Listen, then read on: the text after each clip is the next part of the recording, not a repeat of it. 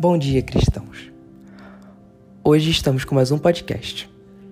E o assunto de hoje é como e por que devemos ler a Bíblia.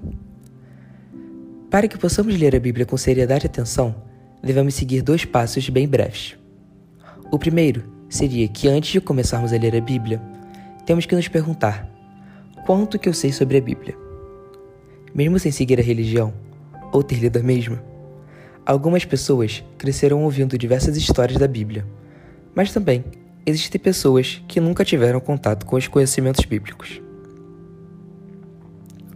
O segundo passo é que, para que possamos ler a Bíblia com atenção e seriedade, temos que escolher um horário específico e um período do tempo do dia para que possamos absorver os conhecimentos que ela nos oferece. O ideal seria ler três ou quatro capítulos por dia, de acordo com a nossa igreja. A ordem da leitura é bem simples. A Bíblia é uma coleção de 66 livros, que estão agrupados em gêneros literários. E se essa é sua primeira vez lendo-a, comece lendo os quatro evangelhos do Novo Testamento: Mateus, Marcos, Lucas e João, pois eles escreveram a biografia de Jesus, cada um com uma perspectiva diferente. Logo, a leitura dos Atos dos Apóstolos é a mais indicada. Depois, para entender sobre a vida cristã, recomendamos os livros de Romanos a Tessalonicenses.